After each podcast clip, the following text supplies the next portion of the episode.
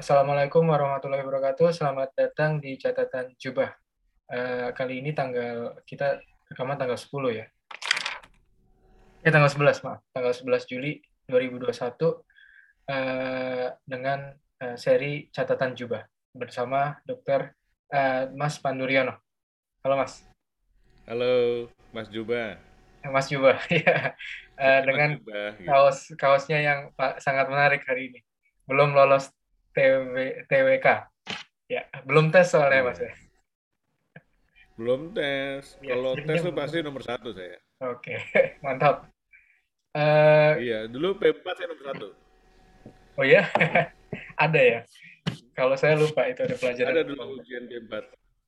Oke, uh, langsung aja kali ini catatan juga ini kita bahas soal kondisi lagi ya, kondisi terkini wabah Indonesia yang uh, sesuai dengan hmm, Ya, yang kita obrolin ya Mas ya di catatan jubah dua, dua atau tiga episode sebelumnya bahwa uh, Indonesia sangat berpotensi uh, mengikuti India dalam hal kolapsnya sistem kesehatan dan uh, krisis di masyarakat gitu krisis dalam arti kesehatan ya lebih ke kesehatan dan itu ngerembet semua ke semua semua bidang ya Pak nah pendidikan ekonomi dan macam-macam gitu.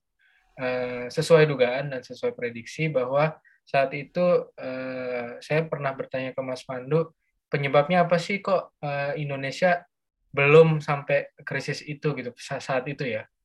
Uh, penyebabnya mungkin memang ada shift uh, belum shifting varian yang ini ya Pak apa namanya jenis virus walaupun ini sama-sama SARS-CoV-2 tapi varian yang of concern itu yang termasuk Delta terutama ini tuh belum jadi mayoritas yang uh, terbesirkulasi di masyarakat. Tapi kalau udah shifting ke sana, biasanya langsung membludak karena penularannya memang lebih tinggi daripada varian-varian yang uh, bukan itu kan, bukan varian of concern. Dan benar saja uh, dalam bulan Juli dari akhir Juni itu trennya udah benar-benar uh, apa akselerasinya benar-benar gila sih menanjak banget sampai hari ini dan beberapa hari ini pun kan uh, bahkan kasus harian yang terdata itu uh, hampir 40 ribu ya.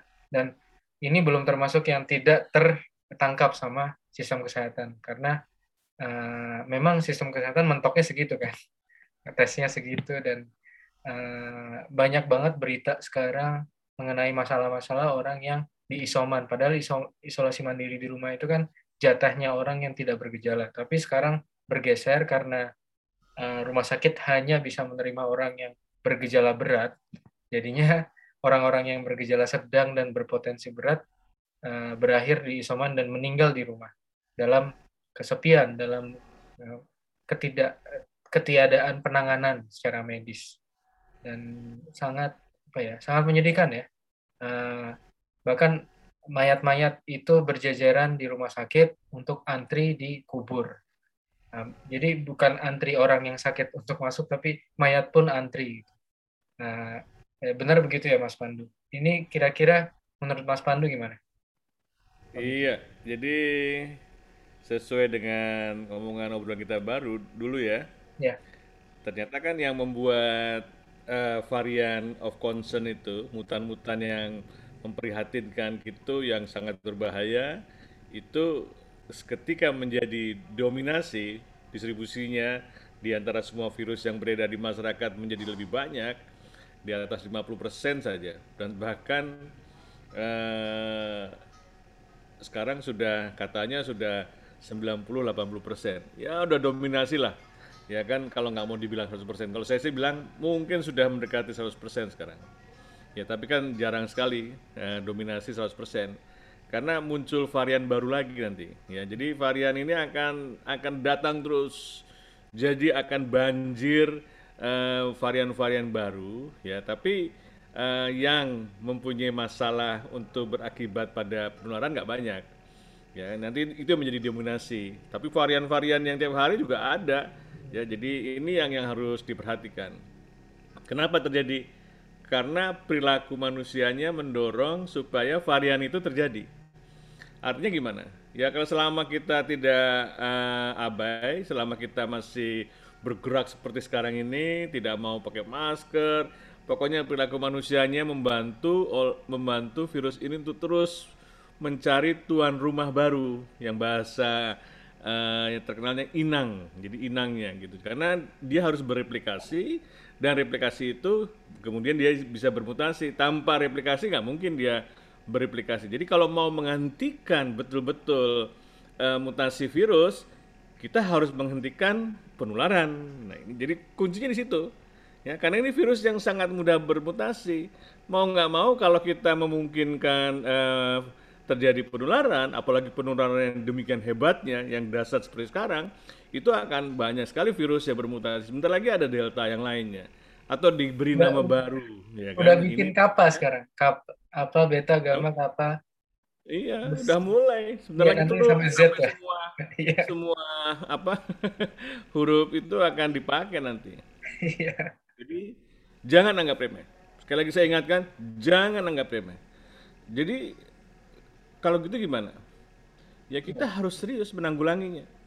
Kenapa harus serius menanggulanginya? Ya tadi, kita akan berhadapan dengan virus-virus yang selalu mempunyai energi baru, kemampuan yang lebih dasar, yang lebih perkasa, yang lebih uh, sakti kalau perlu, ini kan peperangan, dia akan menyebabkan antara lain yang sekarang terjadi adalah transmisinya tinggi sekali. Ya kan hampir dua kali lipat. Dan juga sehingga dalam waktu singkat terjadi jumlah orang yang terinfeksi jauh lebih banyak dua kali.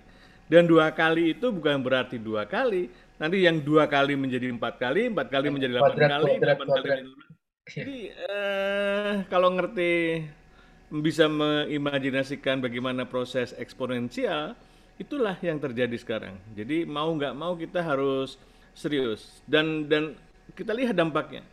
Karena sebagian orang itu akan masuk rumah sakit. Yang kita lihat sekarang adalah rumah sakit semuanya kolaps. Mau dibilang ini kewalahan, mau ini kan itu cuma kapasitas lah apalah. Ya, overkapasitas. Kalau rumah sakit tidak berfungsi untuk bisa melayani orang sakit, itu namanya kolaps. Jangan dibantah lagi. Itu kan seakan-akan denial yang nggak perlu gitu loh. Jadi gimana sekarang? Bukan hanya itu, ya kan? Bukan hanya itu. Orang tuh kalau lagi eh, terinfeksi, sebagian akan butuh oksigen, ya kan? Akan mengalami hipoksia. Ya, hipoksia itu hanya bisa diatasi dengan pemberian oksigen. Sekarang krisis oksigen, jadi kebutuhan demands daripada oksigen juga eksponensial, maka terjadilah krisis oksigen di mana-mana, ya rumah sakit. Tadi malam ada teman dari Jogja tolong tolong sampaikan nih Pak Menkes kita sudah sudah tidak punya cadangan oksigen lagi gitu. Masih ada gitu. Katanya sudah bisa diatasi. Ternyata masih banyak. Jadi ini menunjukkan bahwa uh, masalahnya tidak mudah. Ya, kalau dampak di hulunya itu kita setengah-setengah. Kenapa setengah-setengah? Ya tadi penanggulangannya itu setengah-setengah. Kenapa bisa setengah-setengah? Di dalam satu jurnal di koran Guardian saya bilang ini adalah akumulasi daripada the weakness of leadership. Hmm. Ngaruh ya Mas ya. Ini bukan soal uh, masyarakat yang abai tapi responnya lebih, tidak ada kuat. Ya kan tidak ada kuat, menganggap remeh, menganggap bisa mengatasi, ya kan? Padahal prediksi-prediksi mengatakan dulu pertama kali kita tidak mau terjadi seperti di India. Oke, okay, kita tidak mau terjadi seperti ini. Apa yang harus dilakukan? Salah satu cara adalah membatasi pergerakan. Yeah. Pergerakannya kapan? Sebelum naik dong seharusnya. Pada waktu ada tipping point, ada kenaikan, wah tipping pointnya begini mas. Iya, iya. Baru baru ada intervensi kan? Ya, eh, enggak mas, sebulan kemudian. Oh, sebulan. Baru baru Juli akhirnya diputuskan oleh dilakukan darurat, pembatasan darurat. ppkm darurat namanya, ya nah, kan? Belum kan penebalan aja nggak jelas. Saya bilang kalau kayak begini kita akan selalu kalah. Hmm. Karena kita hanya mengatasi kedaruratan, bukan mencegah kedaruratan. Ah, I see. Jadi That's problemnya adalah problem bagaimana kita harus mencegah itu terjadi. Kalau itu sudah terjadi, itu sangat sulit sekali, ya kan? Seperti kalau kita ada orang sakit udah eh, mohon Terminal maaf ya state. Terminal sudah state. udah banyak organ yang eh, kena sulit ya sebaiknya jangan sampai sakit jangan sampai kena. Itu yang paling paling mudah dan dan bisa dilakukan oleh setiap orang. Dan polosinya harusnya ke arah ke sana. Ya dan ini menurut saya akan terjadi eh, lonjakan yang masih tinggi ya. Mungkin selama bulan Juli ini masih tinggi ya. Kecuali kalau nanti ppkm lama-lama akhirnya akan akan membuat orang sadar akhirnya tinggal di rumah. Ya, mesti dipaksa dalam situasi seperti ini ya tapi kan nggak perlu sebenarnya.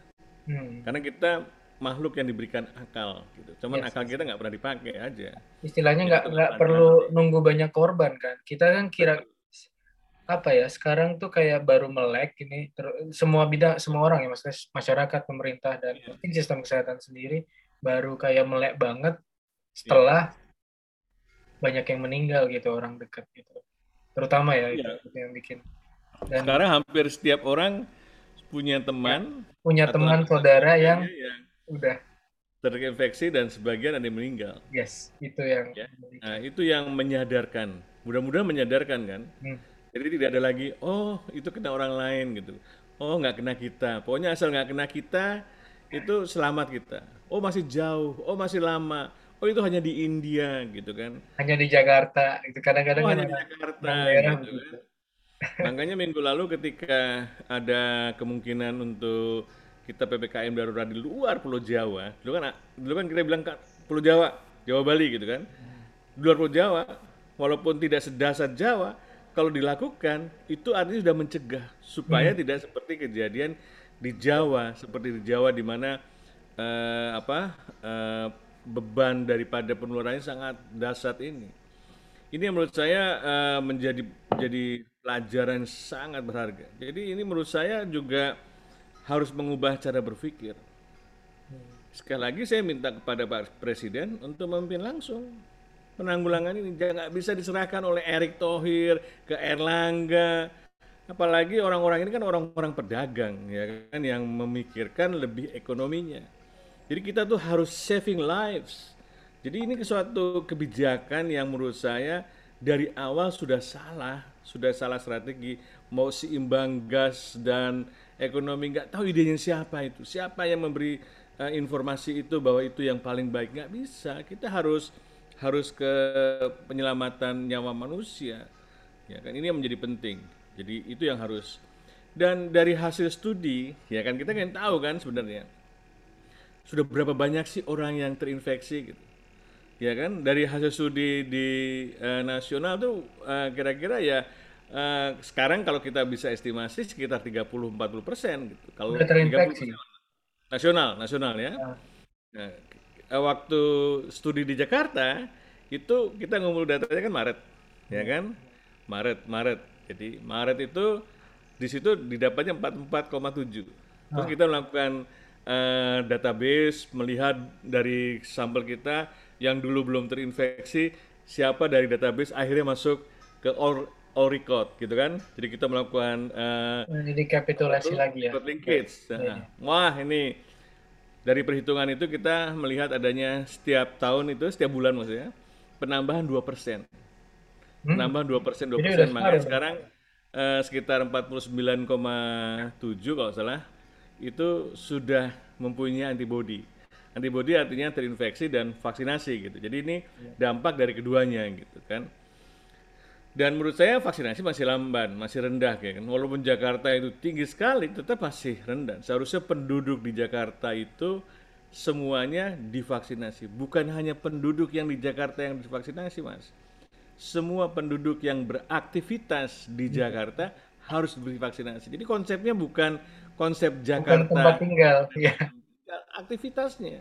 iya Kayak Surabaya ini sekarang adalah orang yang melakukan aktivitas dari Surabaya itu dari Madura, dari Mojokerto, dari Gresik hampir Lamongan ya eh, kabupaten sekitarnya. Jadi mereka tuh kalau mau beraktivitas di Surabaya harus sudah mempunyai kekebalan. Kalau enggak akan menimbulkan eh, apa eh, sesuatu yang menurut saya karena dia tidak terlindung menjadi penting lagi. Kedua adalah adanya mutan baru. Makanya saya bilang herd immunity itu mitos. ya kan di di untuk COVID-19. Pertama, kita berpikiran administratif Jakarta Surabaya ya kan bukan activity human activity. Kedua, kita berpikiran virus ini nggak pernah berubah. Virus ini berubah terus dan itu membawa konsekuensi apa? Diagnostik kita ya kan juga vaksin yang sudah dibangun ya kan dilatih ke kita untuk sistem imunnya bisa mengenali mungkin tidak bisa mengenali lagi dan yang paling penting adalah kita menjadi mudah abai kalau sudah divaksinasi oh saya sudah divaksinasi gitu kan merasa punya kekuatan tapi belum tentu kekuatan itu cukup untuk melawan ya beda kalau beda kalau populasinya mayoritas sudah divaksin semua kan Oh gitu. iya. Itu beda iya. cerita ya. Beda cerita. Kalau tapi kan itu hampir nggak mungkin, ya kan? Iya itu dia. Dalam waktu singkat nggak mungkin ya, terwujud. Itu jangka panjang itu. Jangka panjang. Ya, jadi, jadi jadi konsep vaksinasi itu janganlah dijual belikan juga. Ini ada sebagian orang yang mengkomersialkan vaksinasi, mengkomersialkan pengobatan, ya kan? Untuk mengatasi pandemi itu nggak butuh obat Orang obat COVID nggak ada kok. Iya. ya kan? Ribut aja. Saya tuh pusing. Nggak, ya. ada antivirus yang bisa mengatasi COVID. Iya. Yang diberikan itu hanya untuk supporting treatment, ya kan? Supaya tubuhnya tidak berlebihan eh, berespon terhadap adanya eh, COVID-19. Kalau terjadi reaksi yang berlebihan, nah itu atau jadi kerusakan paru yang berlebihan, saat itulah yang kita anggap sebagai uh, faktor yang membuat severe, membuat ya, lebih berat kondisinya. Jadi perpikiran obat, pemikiran uh, sesuatu keajaiban di, di masyarakat di masyarakat kita tuh ya gitu mas. Pemikirannya ya uh, banyak banget yang nanya gitu. Mungkin saya nggak tahu angkanya yang nanya berapa, tapi uh, vibe-nya tuh sama bahwa kenapa uh, dunia atau WHO ya ini ada ada asumsi uh, ini ya ada elit global macam-macam ya. Kenapa WHO ini hanya fokus pada vaksin, tidak pada obat gitu. Kan kalau ada udah kita fokus obat selesai gitu. Jadi masyarakat tuh berpikirannya masih kayak binar seperti itu karena memang di masyarakat kan penyakit semua ada obatnya gitu loh. Pikirannya kan kuratif-kuratif gitu loh, Mas. Gimana nih cara cara membelokkan bahwa uh, vaksin adalah salah satu dari banyak banget senjata buat mencegah ini uh, wabah ini uh, ter terus terus bersirkulasi. Itu rada susah sih, Mas. Menurut Mas gimana? Gimana ya, cara edukasi? Uh, bagian daripada belief. Ya, belief itu kan kepercayaan gitu kan. Jadi kepercayaan itu kadang-kadang tidak bisa uh, diubah dengan rasional nah, itu mendiskusikan. Coba berpikir kalau tidak ada obat gimana? Nggak mungkin nggak ada obat udah saya diskusi kan ya, nah, menurut Kiai mengatakan setiap penyakit ada obatnya. Nah, itu dia tuh. Bagaimana kalau tidak ada obat? Kan kita harus berdiskusi gitu kan. uh, ya kan? Itu itu suatu yang di mana kita harus mengkontraskan dalam hal-hal yang berbeda gitu hmm, kan. Iya, iya. Jadi yang menjadi polemik juga banyak ahli-ahli atau supaya teman-teman kita kan uh, juga mudah mudah mudah apa tergoda gitu kan tergoda ingin cepat. Nah ini ya. yang cepat itu yang menjadi jadi jadi sulit gitu kan. Jadi pada waktu awal pertama gitu kan sekarang menjadi lebih kacau lagi. Karena apa? Karena kan ketika layanan kesehatan tidak bisa menampung ya kan seharusnya kan orang yang masuk gejala sedang dan berat masuk rumah sakit. Hmm. yang diisolasi atau diizinkan isolasi mandiri adalah orang yang ringan atau tidak bergejala. Ya, jadi tingkat kematian sangat rendah gitu kan. Dan tidak kepemburukannya menjadi ini. Dan kemudian ternyata karena rumah sakit kewalahan, yang isoman itu maksudnya ya. bukan isoman. Ya. Itu bukan isolasi mandiri, itu orang yang tidak bisa masuk rumah sakit. Ah, nah, itu yang harusnya diubah mindsetnya itu orang nggak bisa masuk rumah sakit. Ya kan seharusnya masuk rumah sakit. Karena harus dimonitor ya kan? Monitor apakah monitor daripada apa kadar oksigennya kebutuhan O2-nya dan kalau diberikan obat juga obat-obat sesuai dengan kondisinya, ya kan? Nah sekarang apa? Dipaketkan mas, dipaketkan. Jadi ada paket itu, paket isoman, obatnya itu obat keras semua, Iya. antibiotik. Padahal apa Antivirus, antibiotik? antibiotik, anti parasit. Antivirus, Parasit. antivirus, ya kan? Vitamin dosis tinggi, Iya. terus anti cacing, anti parasit. Wah, udah kacau, ya kan? Gak apa-apa, efek samping kecil. Apa salahnya dicoba? Coba-coba. Mau anak sendiri atau kita sendiri dicoba-coba, ya kan gitu. Jadi kita tuh nggak pakai akal sehat kita. Jadi pandemi ini, lonjakan tinggi ini adalah ujian akal sehat, Mas. Hmm. Kenapa? Karena setiap treatment itu harusnya juga tetap tenang gitu. Jadi kalau memang nggak butuh obat ya udah jangan diberikan Udah, obat. iya, iya. Ya kan? Kan tidak setiap kalau konsultasi ke dokter tidak diberikan obat. Dulu saya juga kalau waktu dulu pernah menjadi dokter ya nggak dikasih obat. Enggak, nggak usah. Kan udah saya nasihatin bagaimana menghindari alergi dan sebagainya. Ya kan? Pasiennya nggak puas kan? Langsung nggak puas, pengen disuntik gitu karena disuntik kan. Kalau dulu di daerah itu namanya suntikan dua lubang mas. Tuh? Nggak mau cuma sekali, pengen dua. Jadi ya kiri kanan gitu, bokongnya gitu. Biar marem. Kalau kan? pakai jarum yang eh, sangat tajam gitu kan, eh, dia bilang kok eh, nggak terasa tadi suntik. Tumpulannya gede. Iya, saya kan eh, selalu pakai disposable tajam terus kan. Eh, jadi eh, mungkin dulu ada yang masih pakai jarum atau Iya, iya, iya. jarumnya dipakai Iya. berulang-ulang gitu kan. Jadi seret tuh masuk otot. Wah, terasa kalau sakit-sakit tuh mantep banget. Nah, inilah eh, kita memang harus mengedukasi, mengedukasi semua masyarakat, juga mengedukasi tenaga kesehatan. Hmm. Tenaga kesehatan kita juga harus diedukasi. Belum tentu yang dipublikasi di jurnal itu adalah benar. Itu sih, itu kita kayak Ya kan? menuai apa sih Saya karena sistem? melihat wah Iya. dikirim. Iya, dikirim. Yang yang banyak sekali itu publikasi eh, publikasi abal-abal, ya Iya. kan? Terus kemudian oh kalau meta analysis Itu itu udah pasti benar gitu. Iya. Gimana paling tinggi? Itu kan cuman gabungan dari beberapa riset Iya, iya. iya. ya kemudian disatukan padahal metodenya beda, orangnya beda, ada biasa di masing-masing. Kalau digabungkan kemudian seakan-akan semua studi itu adalah sesuatu studi yang sangat bersih, tidak ada biasnya, itu tidak mungkin. Itu hanya akumulasi dari bias yang sudah ada, nggak bisa dipercaya.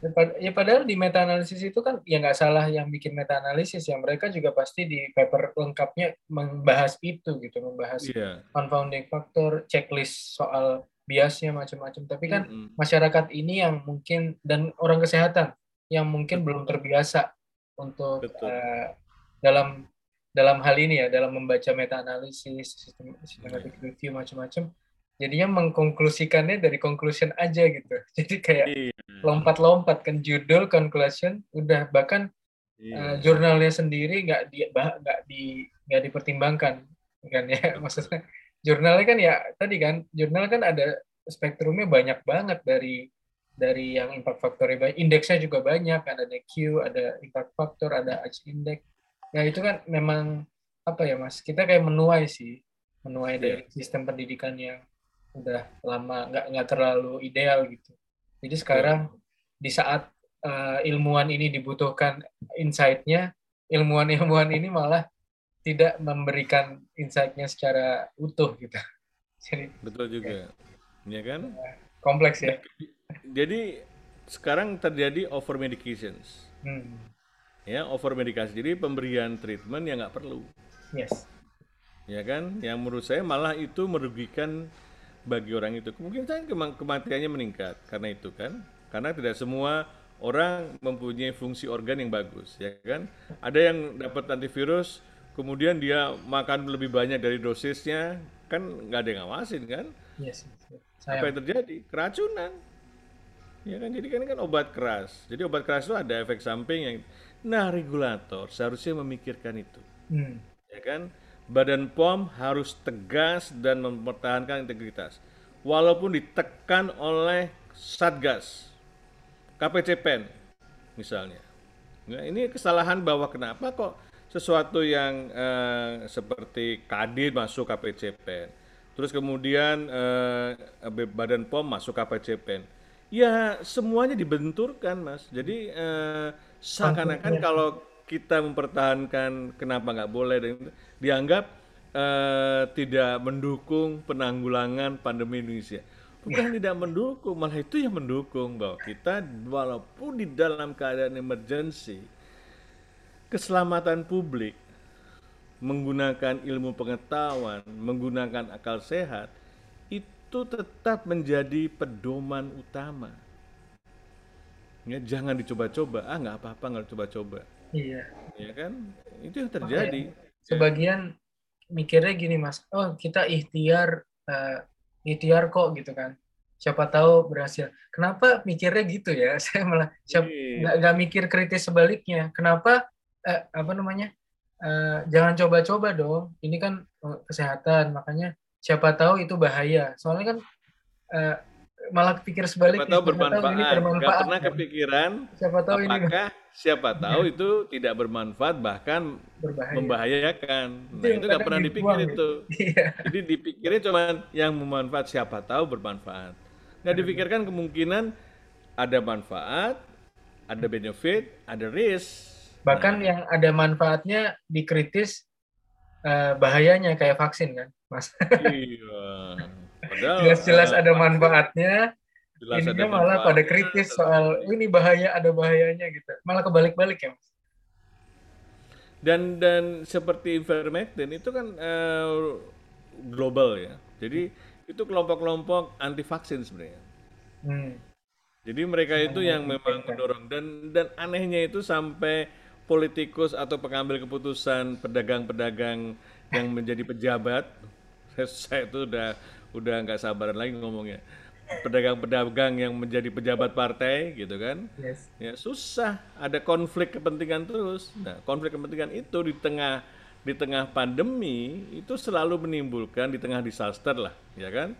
Akan eh, orang akan tidak melihat itu sebagai eh, bagian daripada eh, suatu usaha permufakatan yang tidak tidak menguntungkan atau bahkan merugikan ya kan ini menurut saya yang eh, saya selalu ingatkan gitu kan.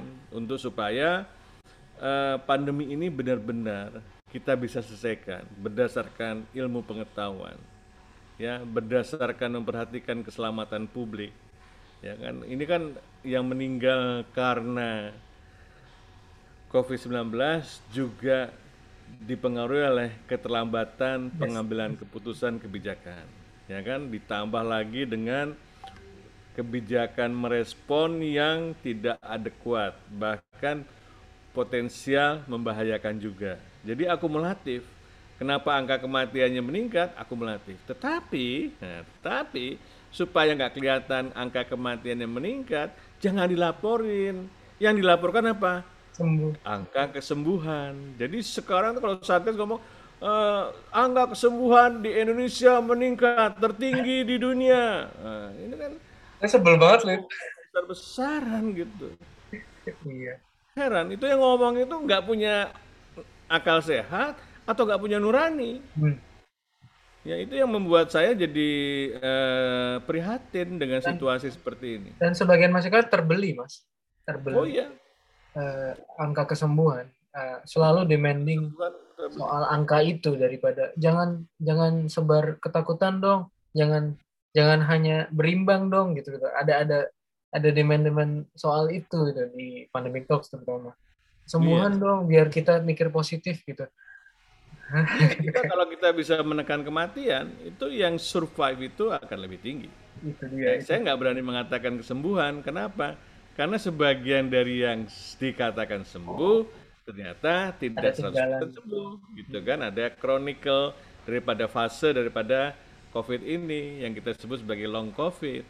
Dan kita kita belum tahu tuh efeknya. Yes. Yang kita khawatirkan kan pada anak itu Hmm. efeknya jauh lebih panjang dan efeknya bukan hanya pada secara fisik tetapi secara mental. Jadi eh, tumbuh kembang istilahnya pertumbuhan fisik dan perkembangan mentalnya bisa terhambat. Bayangkan nanti generasi yang dilahirkan atau dibesarkan di dalam Era masa pandemi ini. ya kan, itu akan menghadapi situasi yang sulit. Karena gini mas, Delta, eh, waktu kita studi mengumpulkan data untuk studi serologi Jakarta, ternyata ya waktu itu belum ada Delta, belum banyak ya, mungkin nggak ada gitu, atau sedikit sekali. Itu semua anak, semua usia kena mas. Semua usia mempunyai antibodi. Balita 5 sampai 10 tahun, 10 sampai 14 tahun, 14 sampai 17 tahun, sampai terus sampai di atas 65 semuanya mempunyai Rata, antibodi. Rata. Merata. Dan itu mengindikasikan bahwa semua orang potensial bersiko. Hmm. Potensial bersiko. Dengan adanya delta yang jauh lebih mudah menularkan dan angka fatalitas yang lebih tinggi itu membuat lebih situasinya lebih buruk, ya kan? Seharusnya delta itu dari awal, Mas.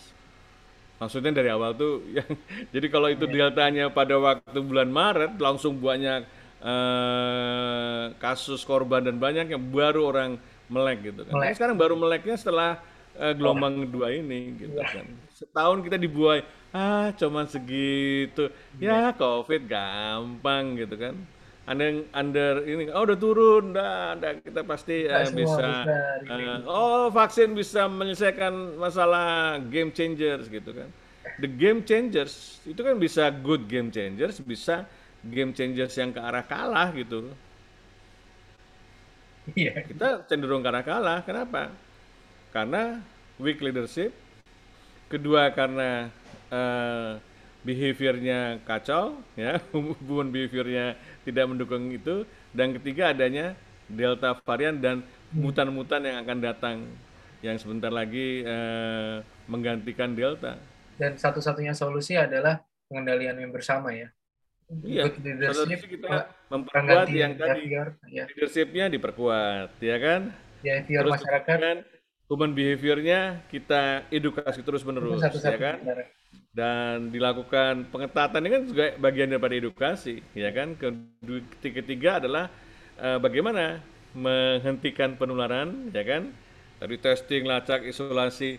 Bayangkan Mas, Jakarta yang testingnya sudah demikian tinggi, sistem testing Jakarta itu hanya mendeteksi 9,1 persen. Yang tinggi aja kayak Jadi, gitu. Aduh. 90 persennya tidak terdeteksi oleh sistem. Hmm. Apalagi di wilayah-wilayah di luar Jakarta yang testingnya lebih rendah dan cenderung menekan supaya testingnya Lebih rendah lagi. tidak sesuai dengan standar. Oh iya iya iya. Oke, nice Mas. Insight-nya bagus sekali dan moga-moga ya si pen- eh, teman-teman pendengar di sini bisa eh, me- ya mendapatkan ini ya masukan ya biar Iya. change behavior. Oke Mas. Eh, terima kasih. Mungkin eh, kita akan ketemu di kesempatan selanjutnya. Atau ada yang mau disampaikan lagi, Mas Pandu? Enggak, kita sedang berduka, Mas.